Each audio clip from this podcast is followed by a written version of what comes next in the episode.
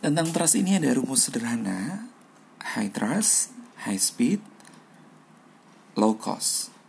Sementara kalau low trust itu low speed dan high cost. Artinya apa?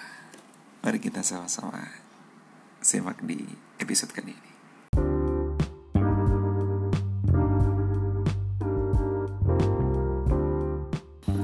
Assalamualaikum warahmatullahi wabarakatuh. Selamat pagi Sobat Perjalanan. Semoga kabar Sobat Perjalanan hari ini Sehat-sehat jasmani dan rohani. Semoga Allah mudahkan untuk menjalankan Semua aktivitas bermanfaat hari ini.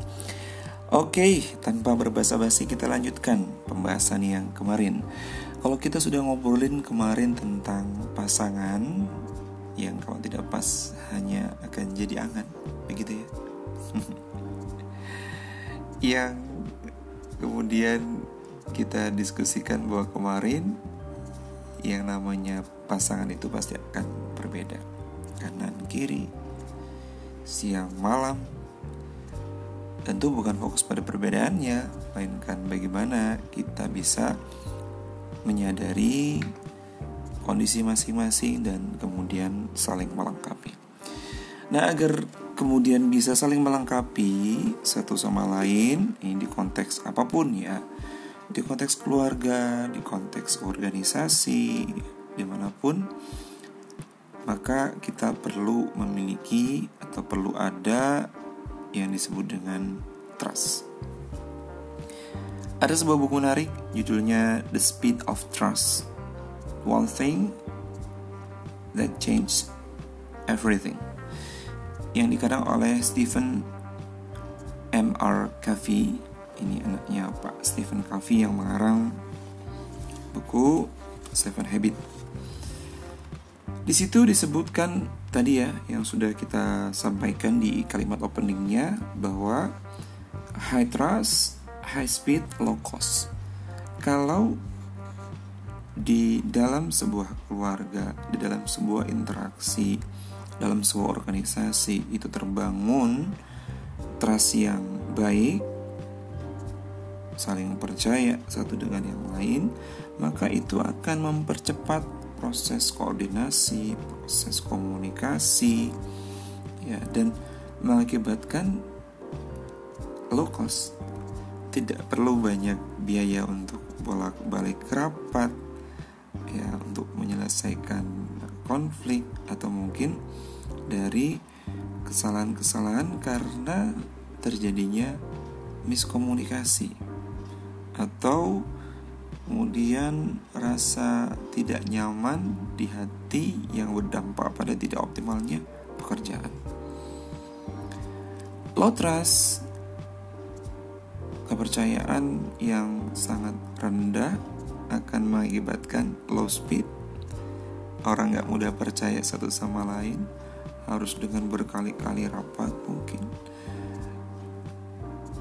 Atau tadi ya dia tidak bekerja dengan sepenuh hati, akhirnya banyak biaya yang perlu dikeluarkan.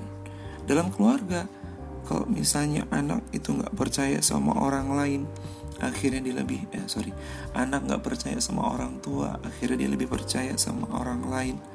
Mengakibatkan apa? Low speed komunikasinya terhambat antara pasangan antara anak dengan orang tua misalnya tadi.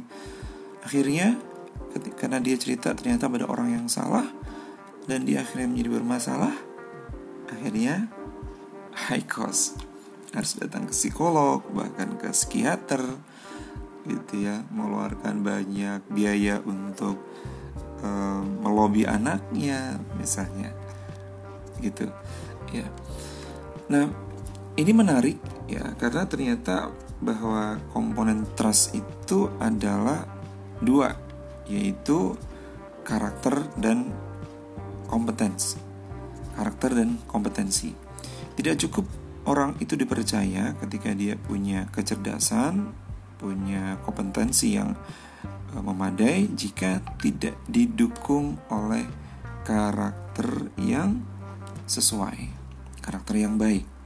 karakter yang baik saja tidak didukung oleh kompetensi yang baik, maka tidak akan terbangun yang namanya trust tersebut.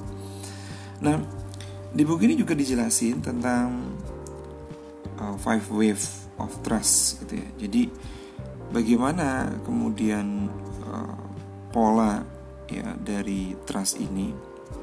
Ya, ini kayak pola tetesan air ya. Air tetesin. Nah, ditetesin ke air akan terbentuk gelombang gitu ya. Gelombang yang paling dalam itu disebut sebagai self trust bagaimana kita membangun kredibilitas atas diri kita sendiri. Bagaimana kita membangun kredibilitas sebagai seorang suami sebagai seorang istri sebagai seorang ayah sebagai seorang ibu sebagai seorang pimpinan kredibilitas ini dari yang disebut self trust ini akan berpengaruh pada akan berlanjut pada gelombang selanjutnya yaitu relationship trust. Bagaimana kemudian kita melakukan perilaku yang konsisten? Sehingga orang itu oh betul nih.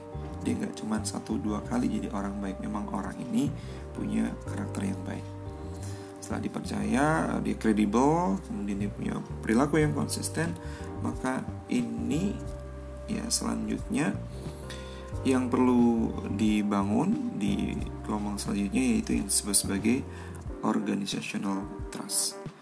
Kalau diri sendiri sudah dipercaya, kemudian sudah ada perilaku yang konsisten, maka selanjutnya untuk mengikatnya perlu dibangun yang namanya organizational trust. Apa?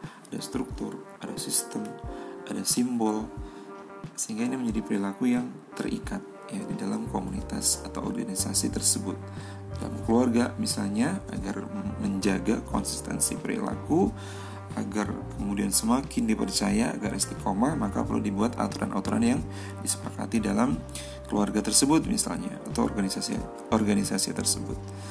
Nah, kalau sudah terbangun seperti itu, akhirnya akan muncul yang namanya market trust, ada reputasi, orang melihat ada konsistensi dalam keluarga tersebut, organisasi tersebut, akhirnya mereka punya reputasi, mereka dipercaya oleh banyak orang. Apalagi kalau kemudian mereka masuk ke wave yang selanjutnya, yaitu apa? Societal trust. Mereka sudah terbangun reputasi dan kemudian mampu memberikan yang namanya kontribusi kepada orang-orang di sekitar. Maka itu akan menjadi satu penguat lagi ya orang akan menjadi semakin percaya karena ya mereka menunjukkan itu dengan kontribusinya tadi masyarakat. Nah, itu sedikit tentang trust. Aduh, masih belibet ya mas? Ya nggak apa-apa, namanya ikhtiar untuk berbagi. Kalau nanti ada koreksi uh, di kelak kemudian hari ada perbaikan, mah itu akan dilakukan. Nanti kan bisa dievaluasi lagi ditambahin lagi. Yang penting kita mulai dari berbagi dulu dan dengan sumber yang juga sudah ada dengan kemampuan yang dimiliki hingga saat ini. Oke okay, thank you sudah menyimak podcast kali ini episode kali ini. Semoga bermanfaat. Insya Allah kita akan lanjutkan di episode episode berikutnya. Semoga istiqomah semoga ada manfaatnya selamat pagi Selamat pada bermanfaat. Assalamualaikum warahmatullahi wabarakatuh.